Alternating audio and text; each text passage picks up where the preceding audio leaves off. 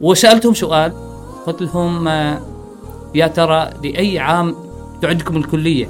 هل لعام تخرج بعد أربع سنوات، عشر سنوات؟ نعم. وجدوا تقريبا 99% من هؤلاء الطلاب لديهم هواتف. في الجامعات يشهدوا بأن بعض الطلاب درجاتهم عالية ولكنهم في الواقع يعني ضعيفين.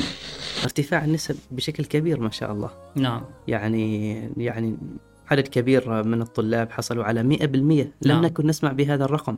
99.4 ما تمكن من دخول كلية الطب مثلا. آه، لدي صديق من آه، إحدى الدول الخليجية مؤخرا فقال كانت لدينا مشكلة في في الجهة التي يعمل بها. يقول توجهنا إلى الجامعة. وقلنا يا يا طلاب ساعدونا في حل هذه المشكلة. يقول فابتكروا حلا لهذه المشكلة وكسبوا بالتالي براءة اختراع لها. جراثيم التعليم التي تخلصت منها فنلندا. نعم. نريد أن نناقش معك هذا الموضوع. هل فعلا هناك من جراثيم حقيقية في التعليم؟ وكيف عملت أيضا فنلندا على التخلص من هذه الجراثيم؟ لكن أرى إن الدروس الخصوصية هي نتاج لخلل في المنهج في إشكالية في المنهج وإلا ما كانت هذه الدروس الخصوصية موجودة. طبعا كل واحد يد- يريد لولده أن يتقوى في هذا المعنى. ما تلوم الآب ولا تلوم ال- الوالدين.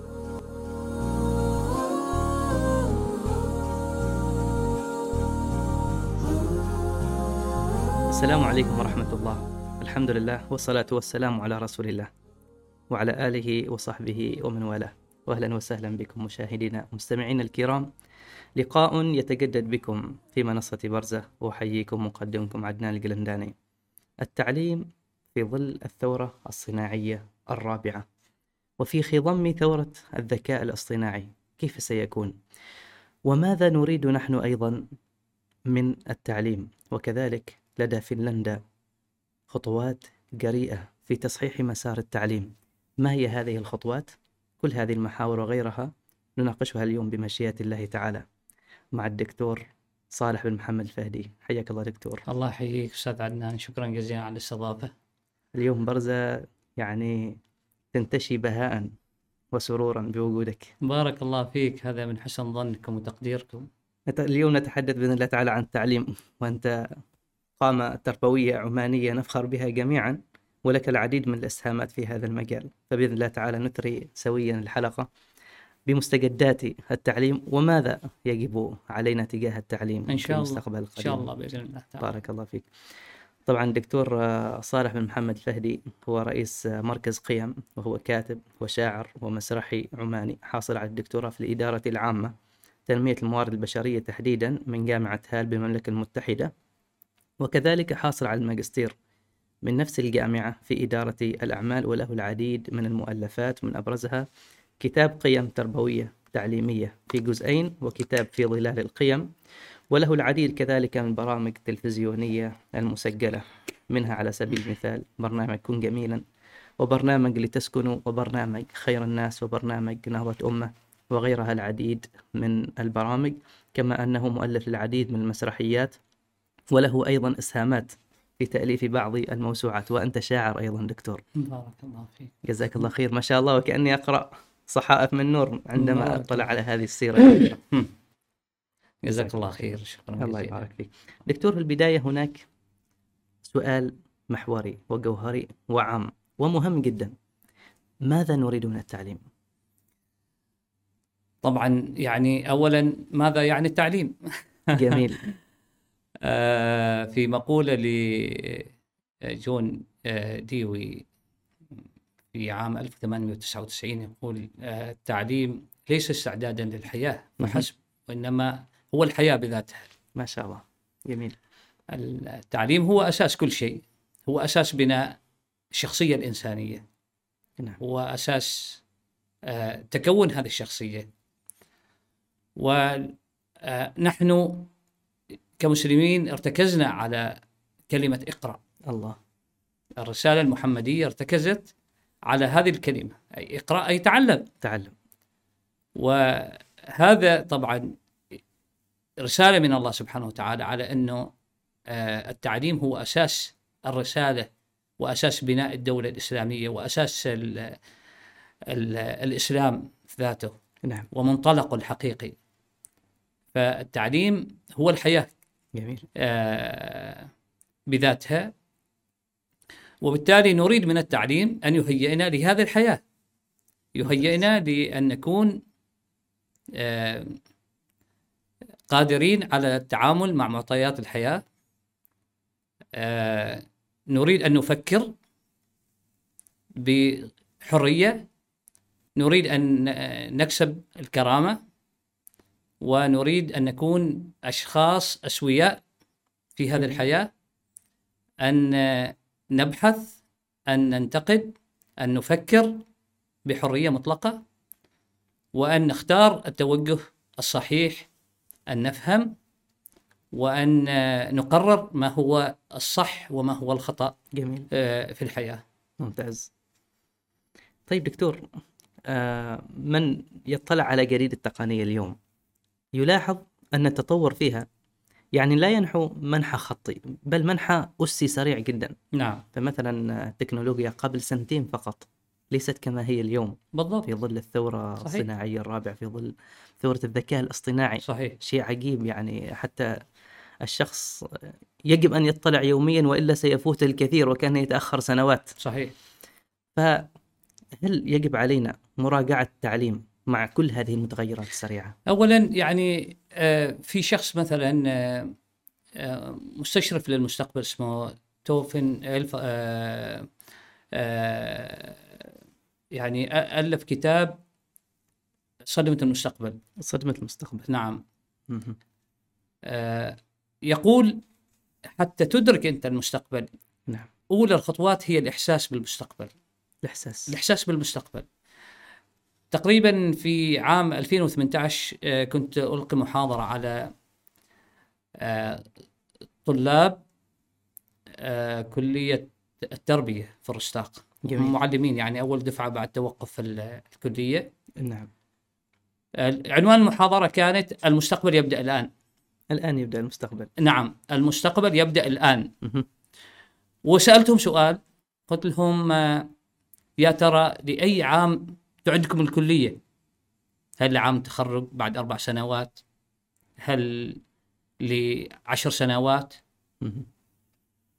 فأجبت عن السؤال لا الكلية تعدكم لعام آه، 2050 جميل حتى أشعرهم بالمستقبل ممتاز بالتفكير في المستقبل وليس التفكير في لحظة التخرج فقط نعم ليش؟ لأن هم لما يتخرجوا راح يعدوا جيل تقريبا ل 18 عام. صحيح. هذا هذا الجيل يستشرف فيما بعد يجد نفسه في 2050 لما يخرج من المدرسة ويخرج من الجامعة يجد نفسه في 2050 فيفترض أنا يعني أن أعد هؤلاء الطلاب والطالبات ل 2050 جميل. ولا أعدهم لأربع سنوات قادمة. بمجرد أن يتخرج ينتهي نعم. كل شيء. وهذا مثلا شأن أيضا التربية مم. لما اربي أبنائي ما يعني أربيهم حتى يكونوا أطفال أربيهم حتى يكونوا رجال. حتى يستشعروا بالمستقبل بالتحديات. نعم. فالآن مثل ما تفضلت يعني قبل سنتين لم تكن التقنية كما هي عليه اليوم. فعلا. على سبيل المثال الوظائف المرتبطة مثلا بالذكاء الاصطنا- الاصطناعي قبل سنتين كانت صفر فاصل صفر خمسة. هذه الوظائف. تخيل ال- هذه السنة. هذه السنة أعتبرها السنة التاريخية للذكاء الاصطناعي. حقيقة. الانفجار. تخيل كم عدد الوظائف المرتبطة بالذكاء الاصطناعي. صار انفجار فعلا. كبير. فعلا. هل نحن كنا على قدر هذا الإحساس بأنه في ثورة اسمها ثورة رابعة وثورة آه، ذكاء اصطناعي؟ هل كنا مستعدين؟ هذا سؤال كبير. يعني يحتاج إلى إجابة. حقيقة. لأن دكتور آه، الآن يعني أصبح طالب اليوم ليس هو الطالب الذي كان بالأمس أو قبل سنتين أيضا. الآن يدخل ChatGPT مثلا يحصل كل المعلومات التي يحتاجها. إذا طلب منه تلخيص مقال معين يعطيه هذه المواقع خلال عدة ثواني يظهر له جميع النتائج. إذا نحن فعلا أمام متغيرات سريعة جدا إحنا أمام متغيرات ونحن أمام تحديات أيضا يعني في عام آه، 2020 أجرت وزارة التنمية الاجتماعية نعم. دراسة مع آه، جمعية الاجتماعيين العمانيه. هذه الدراسة سلطت على مجموعة من الطلبة في المرحلة المتوسطة من الدراسة تقريبا شملت آه، 2400 طالب. نعم. وجدوا تقريبا 99% من هؤلاء الطلاب لديهم هواتف. 99% 99% لديهم هواتف. يعني آه أنت اشطح بخيالك؟ يعني آه في في هذا هذا المعنى. من من يملك هاتف معناه لديه حسابات في آه ربما منصات التواصل الاجتماعي ويطلع على على ما يزخر فيه هذا الفضاء. وجدوا 92% من هؤلاء الطلاب يدخلوا أو يستخدموا وسائل التواصل الاجتماعي وغيره من الشبكة العنكبوتية مهم. ل- لأجل الترفيه. تخيل 92% هذا التحدي كبير. عدد مهول. نعم. اذا هنا السؤال اللي يفترض أن يطرح يعني ماذا يفعل التعليم إزاء هذه التحديات. كيف يعني يعوضهم؟ ما كيف يعوضهم؟ كيف يستطيع أن يتعامل أن يهيئ هؤلاء الطلبة حتى ياخذوا المفيد من من آه، هذا الفضاء الشاسع وهذا الزخم الكبير الهائل ياخذوا منه ما ينفعهم ويتركوا منه الغث. حقيقة. لأن صناعة التفاهة قد كثرت دكتور والمغريات كثيرة. لا شك. وخاصة اليوم نحن يعني مواقع التواصل الاجتماعي تحدث نفسها بشكل سريع جدا بحيث أنها تعطيك عدد مقاطع لا منتهي. صحيح. وكان في السابق حتى تصفح مواقع التواصل الاجتماعي يعني يحتاج إلى جهد تحتاج أنت تختار المحتوى الذي تشاهده. تدخل حساب حساب. الآن فقط بضغطة زر يأتيك المحتوى من كل حدب وصوب. صحيح. وهذا كله طبعا يؤثر على عقول الطلاب. صحيح. إحنا يعني نحتاج إلى بناء قاعدة. هذه القاعدة لابد أن تكون قاعدة رصينة وقاعدة قيمية بحيث نضمن إنه كل استخدام وكل توقف من هؤلاء ينصب في صالحهم. نعم. ولا يكون يعني آه، عرضة لانحرافهم أو ضياعهم أو فساد أخلاقهم. إنما آه، بفضل هذه القاعدة نعم التي كوناها فيهم يستطيعوا أن ينتقوا الغث من السمين الصالح من الطالح جميل. وبالتالي نكون قد ضمننا آه، يعني الاستخدام الصحيح والإيجابي لهم في في في هذا العالم الذي تقول عليه أصبح عالم ربما تسود الفوضى أكثر مما يسود التنظيم حقيقة دكتور كيف ترى مخرجات التعليم؟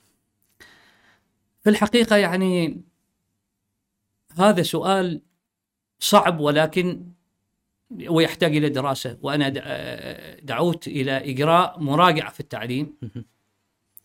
يمكن في العام 2020 قلت بعد 50 عام نحتاج أن نراجع. نعم. نراجع التعليم. أنا في الحقيقة أرى بأنه المخرجات ضعيفة. مهم. ضعيفة. الدرجات العالية لا تعني أنه لدينا مخرجات مثلا قوية. يعني آه، يقول أحد المفكرين نعم. آه، يقول آه، الشهادة قد تعني أنك متعلم نعم. ولكن لا تعني أنك أنت فاهم. بالتالي كثير من ال- أيضا حتى الأساتذة في الجامعات يشهدوا بأنه بعض الطلاب درجاتهم عالية ولكنهم في الواقع يعني ضعيفين. ما ينقص هو للأسف الشديد ينقصهم الكثير. المخرجات اليوم اعتمدت على الكتاب بشكل كبير. حفظ. اعتمدت على الحفظ. والحفظ عن ظهر قلب. تعرف من أين جاءنا؟ جاءنا طبعا من عهد كرومر. وفي أثناء انتدابه لحكم مصر في ذلك الوقت. حضر مستشار اسمه دانلوب مهم. وهذا دانلوب وضع قاعدة الحفظ عن ظهر القلب. يعني كمعيار للذكاء. حتى تتعلم أو إنك ذكي يجب أن تحفظ. بالضبط. تحفظ تحفظ تحفظ. ولذلك ظهر ما يسميه باولو فيريري البرازيلي بالخزان البنكي. أصبح الطالب خزان بنكي. يعني يتشرب المعلومة ويحفظ ويحفظ ويحفظ ثم يفرغ هذه المعلومات في ورقة الاختبار. يخرج من ورقة الاختبار تسأله عن أي شيء يقول لك ما فاهم. بدون ملكة نقد. بعيدين تماما عن مسألة امتلاك ما يسمى مثلا وهذا دعو دعوت له كثير. نعم. التفكير النقدي critical thinking. هذا مهم أن يكون لدى الطالب. التفكير النقدي. الآن مثلا فنلندا على سبيل المثال ألغت مواد. نعم. وضعت ما يسمى بالكيس ستدي جميل. القضايا آه، دراسة القضايا. بمعنى يضع قضية معينة على الطاولة أمام الطلاب. على سبيل المثال وباء كورونا كيف أثر علينا من الناحية الاجتماعية والاقتصادية والنفسية وغيرها؟ نعم. يتدارسوها الطلاب فيما بينهم ويخرجوا بنقاط. ممتاز. هذه أحضروا لهم قضية من واقعهم. جميل. أما أما تعليمنا يغرد فيه كثير للأسف الشديد من آه، النظريات وبعض المواد غير مرتبطة بالواقع. م- منذ أيام كتبت مقال احتلال لغة. طيب. ودعوت فيه بسبب الواقع ونحن شخصيا أتكلم عن واقع. نعم. أرى الآن معظم أبنائنا يفضلوا الإنجليزية عن العربية. صحيح. حتى في حديثهم في تواصلهم مع بعضهم البعض. علامة تطور يروها على أنها علامة تطور وعلامة عصرنه وأيضا أمر آخر لم يعودوا يمتلكوا المفردات التي تساعدهم في التعبير. صحيح. وهذه إشكالية كبيرة. فقلت يعني خلونا من النحو والصرف والتطبيقات والإعراب خلوها على جنب. صحيح مهمة؟ نعم. خلوها على جنب. حلوا محلها القراءات المكثفة. جميل. حلوا محلها جماليات اللغة. خليوهم يقريوا. يكثفوا في القراءة. ممتاز. فبعض البعض طبعا تقبل هذه الفكرة مني والبعض الآخر قال لا النحو النحو يعني شيء مهم قلت أنا ما أجادل في أهميته. صحيح. لكن خطوة انظر ثانية ليس أولى. بالضبط انظروا للمخرجات يا أخي. الآن قول حال شاب متخرج من ثانوي يكتب لي رسالة. قول له عبر لي تفضل تكلم عن الموضوع الفلاني. ما يستطيع تجده يتعثر. صحيح.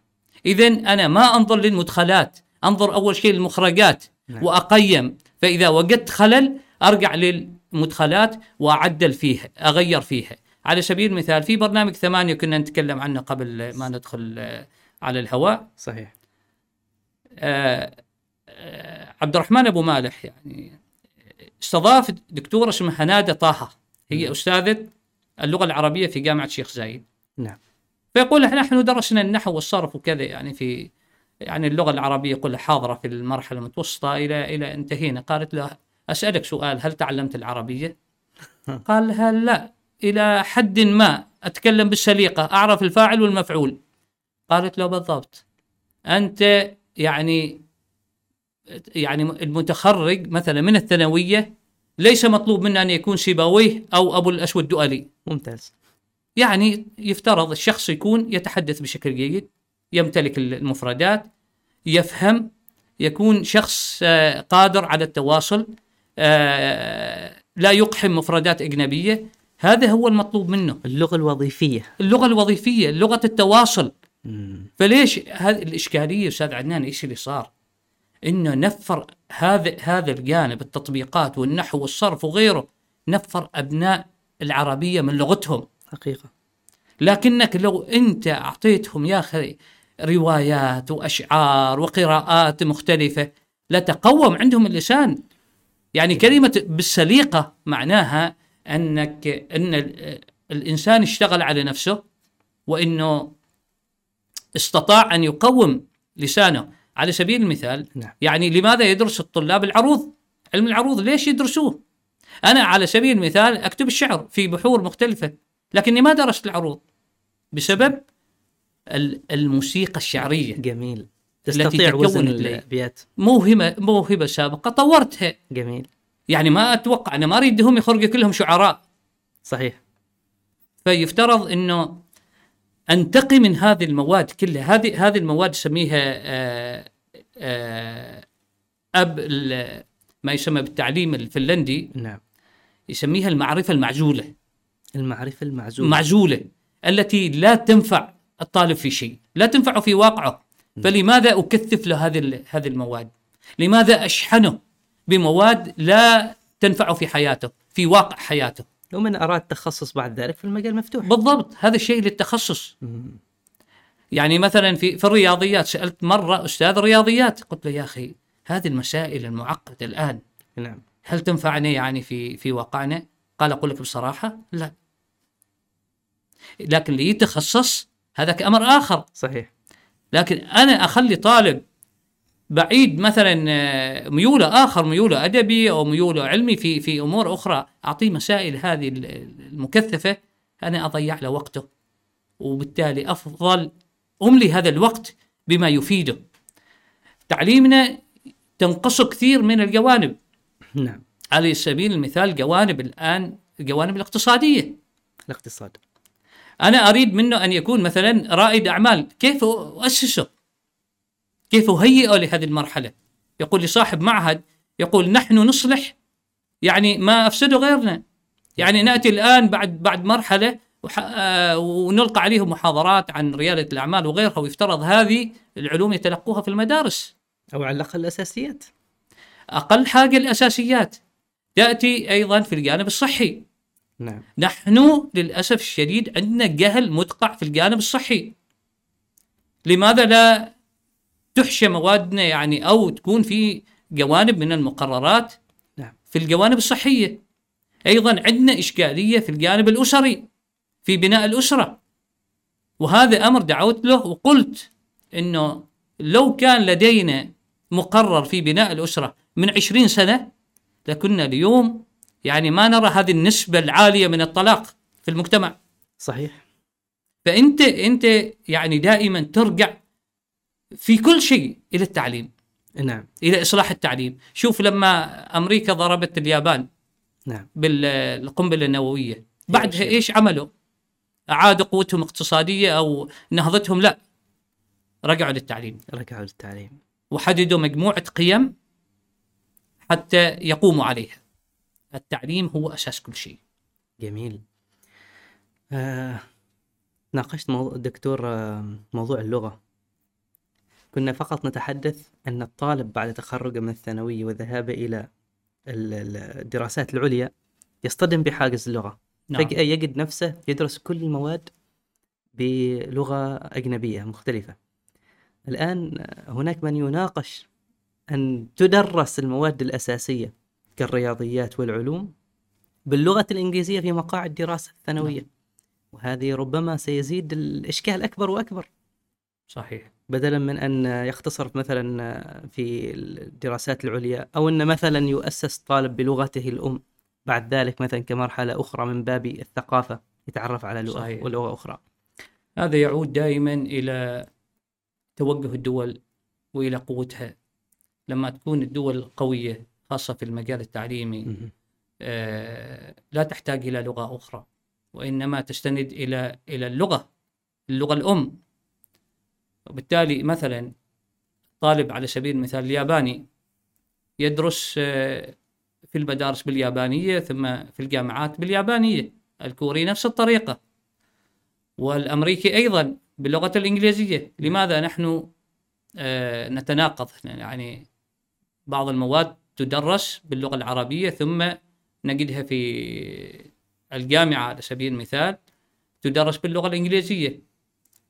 لأن المدارس أو الجامعات عندنا مرتبطة بجامعات أخرى جامعات أجنبية وهذه تفرض عليها هذه هذه المناهج. نجد مدارس خاصة على سبيل المثال تتبنى مناهج مناهج لمدارس أخرى أو جامعات أخرى وهذه تفرض عليها المقرر الأجنبي.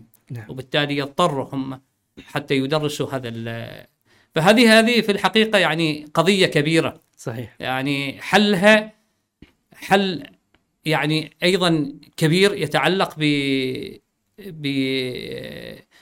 بقوة التعليم وقدرة الدولة على أنها آه، تخلق سياق أو مسار تعليمي من ال- المدارس حتى الجامعات. جميل. دكتور رجوعا إلى مخرجات التعليم. لاحظنا في هذه السنة تحديدا ارتفاع النسب بشكل كبير ما شاء الله. نعم. يعني يعني عدد كبير من الطلاب حصلوا على 100% لم نعم. نكن نسمع بهذا الرقم. 99.4 ما تمكن من دخول كلية الطب مثلا. هل هذا دليل على أن مستوى الذكاء لدى الطلاب ارتفع؟ أم أن هناك لا أعلم تساهل في جوانب معينة؟ وكيف تحلل هذا الواقع؟ والله أنا يعني ما أستطيع أجيب عليه لأنه هذه الأمور تحتاج إلى دراسة ربما نعم. استقصاء. ولكن يعني الآن شح الوظائف آه، صعوبة أيضا الحصول على البعثات أدى إلى بذل جهود يعني كبيرة والتنافس آه، على على المقاعد. وكل طالب الآن يدخل آه، مرحلة الدبلوم العام يدرك تماما بأنه إن لم يبذل أقصى ما لديه يعني من جهد فلن يستطيع أن يدخل الجامعة لأنه أصبحت المنافسة شديدة جدا جدا صحيح. وأصبحت ال- البعثات يعني محكورة على عدد بسيط جدا صحيح. سواء داخل السلطنة أو خارج السلطنة لذلك ليس غريب يعني أن نجد لأنه في بعض ال- الطلاب والطالبات بذلوا أقصى ما ما يمكنهم من جهود وحصلوا على هذه ال- النسب العالية لكن هناك أمر آخر يعني أود أن أنبه إليه. يجب أن لا نغفل. يعني نحن نفرح طبعا بالنتائج هذه. أكيد بلا شك. ولكن شخصيا أفرح إن كان هناك ما يسمى بالذكاء العاطفي. يدرس في في المدارس. لأنك تجد من يحمل آه، أو يحقق النتيجة يعني الكبيرة في في في المعدل العام. لكنه ضعيف في الذكاء العاطفي. ضعيف جدا. تجد أحيانا وهذه ربما ما- ما- مقولة معروفة يعني تبررها كثير من الدراسات نعم. بأنه الحاصل على 60% أو 70% أحيانا يكون هو مسؤول عن واحد حاصل على 90% أو 100% فعلا. يكون مسؤول في, في الواقع.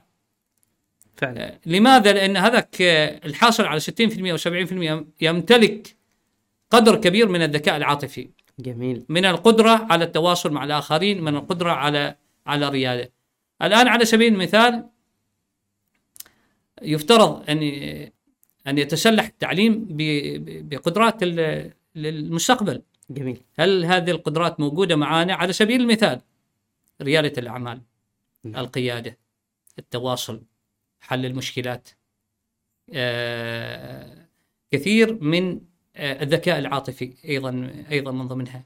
هل موجودة هذه القدرات في تعليمنا؟ نعلمهم القيادة ريادة الأعمال التواصل مع الآخرين عضوية ال- الفريق تيم وورك الذكاء العاطفي. هذه الأمور هل هي موجودة؟ هذه هي قدرات المستقبل. نعم. الآن يعني من لا من لا يمتلك هذه القيادة المهارات عفوا يعني فليس جديرا أن يشق طريقه في المستقبل.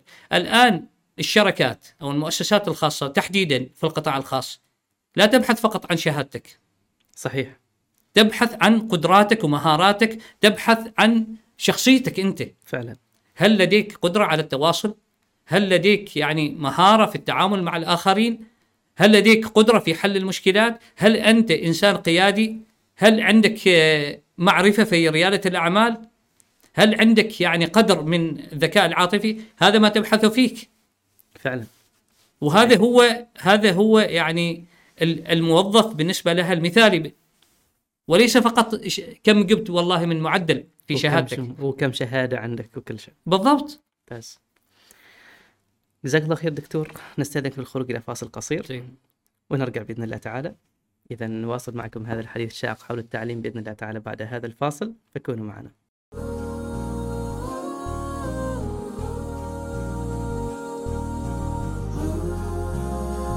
حياكم الله مشاهدينا ومستمعينا الكرام. نستكمل معكم هذا الحديث الشاق مع الدكتور صالح بن محمد الفهدي. حياك الله دكتور الله. يحييك أستاذ عدنان.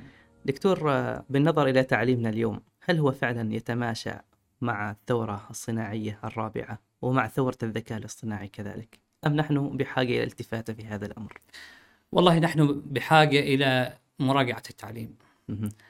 كما قلت يعني قبل الفاصل بأنه هناك قدرات ومهارات يجب أن يتسلح بها الدارس المتعلم حتى تمكنه من التعامل مع عهد وعصر الذكاء الاصطناعي. لأنه أصبحت ال- يعني مجريات الأحداث اولا مضطردة سريعة ومعقدة. ويحتاج المتعلم في إلى امتلاك قدرات معينة. نحتاج إلى تماس مع الواقع.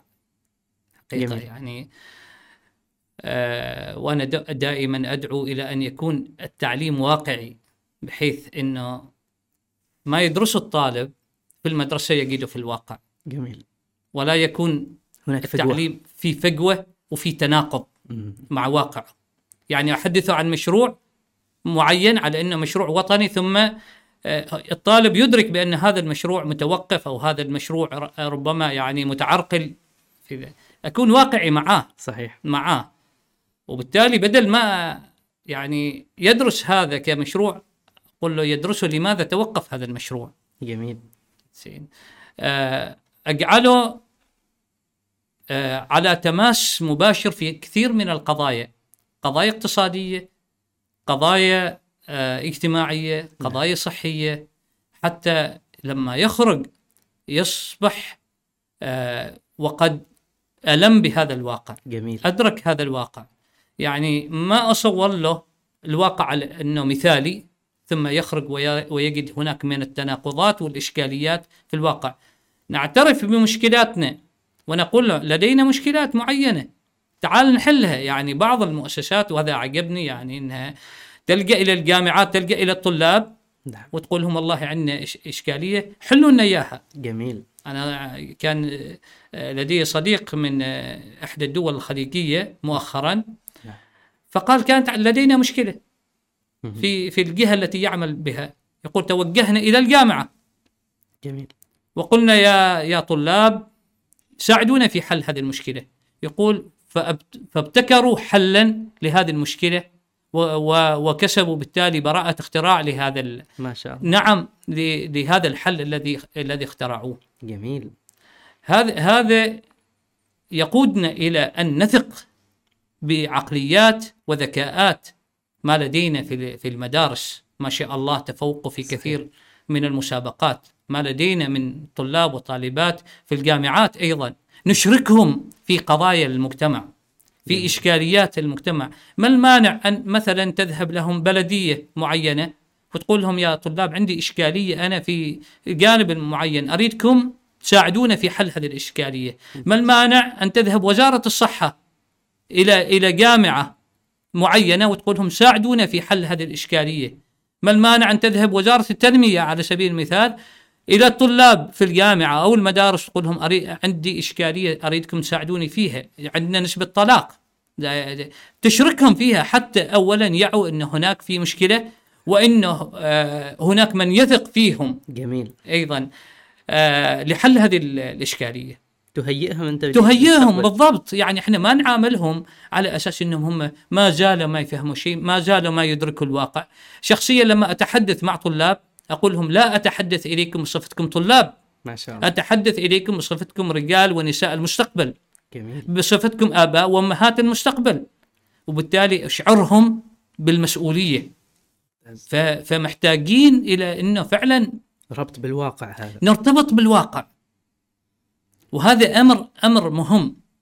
أعتقد إنه تعليمنا لابد أن يراجع هذا هذا الأمر. الشيء الآخر إنه الم- العالم يتقدم. صحيح. هل نظل نحن يعني نتفرج؟ في كثير مثلا كنا نتحدث عن حكومة إلكترونية. نعم. الحكومة الإلكترونية عدى وقتها. ثم خرجت الحكومة الذكية. نعم. الآن نتحدث عن الذكاء ال- الاصطناعي. طيب هناك كثير من الجهات لما تراجعها الآن يقول لك النظام والله عطلان. يوم يومين ثلاث أربع خمس. ماذا يعني هذا؟ ماذا يعني عطل في النظام؟ يتعطل معه العمل. تعطل العمل تتعطل المصالح تتعطل المعاملات يتعطل الوطن وحركته وتنميته. صحيح. يعني ال- اليوم ما نتكلم عن تعطل تعطل يعني العمل. على سبيل المثال. يعني في إحدى الدول الخليجية شخص كان يتحدث يقول توقف التيار الكهربائي عن مستشفى عشر ثواني. يقول مباشرة المولد تحرك ال- البديل عوض الفاقد وعوض الفارق. استدعينا يقول في اليوم الثانية هنا. تم استدعائنا في ديوان الملكي. قالوا لنا بالأمس توقف هذا التيار الكهربائي 10 ثواني. قلنا نعم كنا نعرف و- ومباشرة يعني ذا. قال نحن استدعيناكم حتى لا تحصل المشكلة هذه مرة أخرى. لأن 10 ثواني هذه إشكالية بكرة بتكون 10 دقائق. فعلا. والعشر دقائق بتكون 10 ساعات والعشر ساعات بتكون 10 أيام. جميل. فيفترض إنه هذه الأمور ما تحصل. الآن في كثير من من الجهات تجد في في عطل. في عراقيل بيروقراطية. في بي- بيروقراطية. يعني من يومين كتبت قلت نحن في عام 2023 عام الذكاء الاصطناعي التاريخي ونتحدث عن عراقيل وعن آه، عطل في في النظام وعن بيروقراطية وعن تأخير في المعاملات. هذا الشيء لا يجوز. من لا يجوز في. حق الوطن. ومن السهولة أن تتعرقل يعني معاملتك لأشهر ربما بسبب أن الموظف في إجازة. هذه هذه إشكالية. أنت أستاذ عدنان لو تأخر عليك مثلا مثلا ترخيص معين عند جهة ولا عقد إيجار ما تتم مخالفتك؟ صحيح. م- مباشرة إيه، تأخرت في اليوم الثانية على طول المخالفة. طيب الجهة اللي تتأخر عليك عشرة أشهر. ليش ما توجد أيضا؟ أيضا تخالف. صحيح. إذا تخ- تخالفني كمراجع أو صاحب مصلحة نعم. أيضا الجهة اللي تأخرت علي وعطلت مصلحتي يحق لي أن- أن؟ يحق لي أن أخالفها أيضا. ممتاز. أن تخالف. هذا هو ما يسمى بنظام الحوكمة. الله. إذا أردنا أن نطبق الحوكمة لابد تكون شفافية لابد يكون رقابة لابد تكون مسؤولية لابد تكون محاكمة لهذه لهذه الجهة حتى تستقيم أمرها. يعني في بعض الجهات على سبيل المثال طبقت بعض بعض الأنظمة التقنية بحيث إنه وضعوا وقت معين لهذه المعاملة، إن لم ينجزها الموظف ترتفع مباشرة إلى مسؤوله. وإن لم ينجزها المسؤول إلى المسؤول الأعلى مباشرة وبالتالي يعاقب هذا، لماذا أخرت في إنجاز هذه المعاملة؟ صحيح لكن أن تكون معاملة في الدرج أو يضعها في مثلا يهملها هذا بالتالي يعطل ما أقول مصلحة المواطن نعم. ولا المراجع إنما يعطل مصلحة الوطن. مع أن هناك تب- تباين دكتور إن كنت تتفق معي هناك آه، جهات يعني خطت آه، مشوار ممتاز جدا في هذا الجانب صحيح؟ يعني ما المانع أن الجهات المتأخرة قليلا تلتفت إلى هذه الجهات. مثلا جهاز الشرطة خلينا نكون صريحين. صحيح. متميز جدا وتنجز معاملتك أنا عرفتك تقصد الشرطة. صحيح. صحيح وهذه فعلا تجربة يعني رائدة. لماذا لا تستفيد بقية المؤسسات الخدمية منها مثلا؟ دائما أقول إن أساس التغيير يبدأ من القائد. الله. أساس التغيير من رئيس الوحدة. إذا شاء رئيس الوحدة أن يحدث التغيير يستطيع أن يحدث التغيير. بغض النظر يعني عمن هم دونه. يخبرني أحد الوزراء يقول آه كلفت مدراء عموم لإحداث التغيير التقني. نعم. أتمتت ال- النظام. طيب. فرجعوا لي بعد أسبوعين قالوا والله ما نقدر. عجيب. إحنا يعني نبغى إما أن تنقلنا في مكان أو أن إحنا نستقيل. ما نقدر ما قدرنا. قال لهم لا أنقلكم ولا تستقيلوا إنما تتابعوا هذه المهمة. جميل. وبالتالي تابعوها وفعلا نجحوا فيها. وأخبرني وكيل أحد ال- إحدى الوزارات. يقول آه، أخذنا نظام معين نظام تقني و وطبقناه على على الوزارة. اعترض كثير من المسؤولين الموظفين لأنهم تعودوا على النظام التقليدي. جميل. وقالوا لا نستطيع التعامل مع هذا إلكتروني وما نعرف وكذا. يعني تعرف معروفة يعني معارضه التغيير صحيح. دائما يعني تظهر. فعلا. يقول فقلنا لهم أنتم قربوا ستة أشهر ونرى فيما بعد. يقول بعد ستة أشهر قلنا لهم خلاص هذا النظام الحين إحنا بنشله عنكم. قال لا هذا نريده وهذا الآن سهلنا أمورنا. عجيب. شوف الإنسان كيف يعني عدو ما يجهل. والله. وبالتالي فعلا إحنا إذا فرض التغيير وجاء هذا الفرض من السلطة العليا نعم. بالتالي فعلا يحدث هذا التغيير ويحدث بسلاسه نعم. كما أقول يعني دائما حتى في فرض قيم الثقافة التنظيمية ممتاز. دائما لما تأتي من من رأس ال- الوحدة صحيح. تسود في في المؤسسة. فعلا. جميل جدا. دكتور هل هناك علاقة وطيدة بين التعليم والهوية وكيف يسهم أيضا التعليم في تكريس الهوية؟ لا شك هو التعليم هو أساس الهوية. يعني ما, ما هي أول شيء ال- الهوية نفسها. الهوية هي هو. هو. هي شخصية الإنسان. هي ذاته. كيانه. هي, هي كيانه. هي مكوناته. ولما نتكلم عن مكوناته وذاته نتكلم عن القيم التي شكلت هذا الإنسان. والقيم من أين تأتي؟ كرسها التعليم عززها التعليم. مم. فإذا كان التعليم هذا آه، رسخ هذه ال- هذه القيم عزز هذه القيم نحن لسنا نتاج عهدنا وعصرنا. نحن نتاج أعصر مختلفة. توارثناها آه، أبا عن جد. ووصلت إلينا هذه الشخصية التي نسميها الشخصية التاريخية. وصلت إلينا بجيناتنا التي توارثناها بأخلاقنا بقيمنا. يعني إحنا لما نتحدث عن العمانيين الذين امتدحهم النبي صلى الله عليه وسلم وقال لو آه، أنك آه، أتيت عمان ما سبوك وما ضربوك وك... من ذاك الوقت. نعم. تكلم عن 1400 سنة. صحيح. إلى اليوم نحن نفتخر. لماذا؟ لأن هذه جينات الأخلاق والقيم باقية ومترسخه في في العماني. وواجب التعليم هنا أن يعزز هذه هذه القيم فينا. أن يذكرنا دائما بأنكم أنتم أيها العمانيون أنتم أهل قيم أنتم أهل فضيلة أنتم أهل أخلاق. فانتبهوا دائما في حديثكم في تواصلكم في كتاباتكم في تعاملاتكم في كل شيء. عليكم أن تكونوا دائما تستحضروا هذه الصورة التاريخية التي آه، ارتسمتموها التي حافظ عليها آبائكم وأجدادكم. الله. وتك وتكونوا عليها دائما. هذه مهمة التعليم. صحيح إنها مهمة الأسرة من الأساس لكن يأتي التعليم حتى يعزز هذه هذه الهوية. يعزز فينا الانتماء لأوطاننا. صحيح. يعزز فينا الانتماء لتاريخنا لقيمنا. يعزز فينا الانتماء لأخلاقياتنا. هذه هي مسؤولية التعليم وهذا ارتباطه بالهوية. فكلما كان التعليم حريص على ترسيخ هذه هذه الثروة العظيمة كلما كانت الهوية قوية ومتماسكة وقادرة على أن تبقى وتحافظ على عناصرها. ممتاز جميل جدا. دكتور هناك مقال جميل حقيقة تفضلت به وهو عن جراثيم التعليم التي تخلصت منها فنلندا. نعم. نريد أن نناقش معك هذا الموضوع. هل فعلا هناك من جراثيم حقيقية في التعليم؟ وكيف عملت أيضا فنلندا؟ على التخلص من هذه الجراثيم. على فكرة أستاذ حمدان يعني أنا لما تكلمت عن الجراثيم هذه في مقطع هذا المقطع انتشر في دول الخليج بصورة كبيرة. جميل. وتمت مساندته يعني والاتفاق عليه وتأييده من كثير من التربويين. ممتاز. هذا يدل على ماذا؟ على أنه الجميع متفق على هذه الجراثيم الموجودة حتى في تعليمنا. نعم. منها كثافة مثلا المواد مكثفة. طول وقت الدراسة. مهم.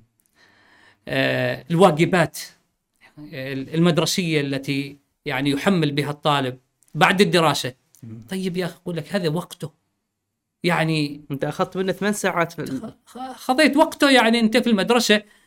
زين تعطيه بعد واجبات حتى يروح ويتعب في هذه الواجبات. منعته من التواصل يعني مع مع زملائه وممارسة هواياته الجلوس مع مع أهله. ال- يعني راحته هو صحيح. يروح يكمل يكمل الواجبات. الدروس الخصوصية هذه أيضا يعني ك- كما تلاحظ وتتابع هذه الأيام حديث كبير عن الدروس الخصوصية. فعلا. والدروس الخصوصية يعني ما في رأي واضح يعني حولها. طبعا آه، الناس تتفق على أنه هي إشكالية في حد ذاتها على سبيل المثال. ولكن أرى أن الدروس الخصوصية هي نتاج لخلل في المنهج.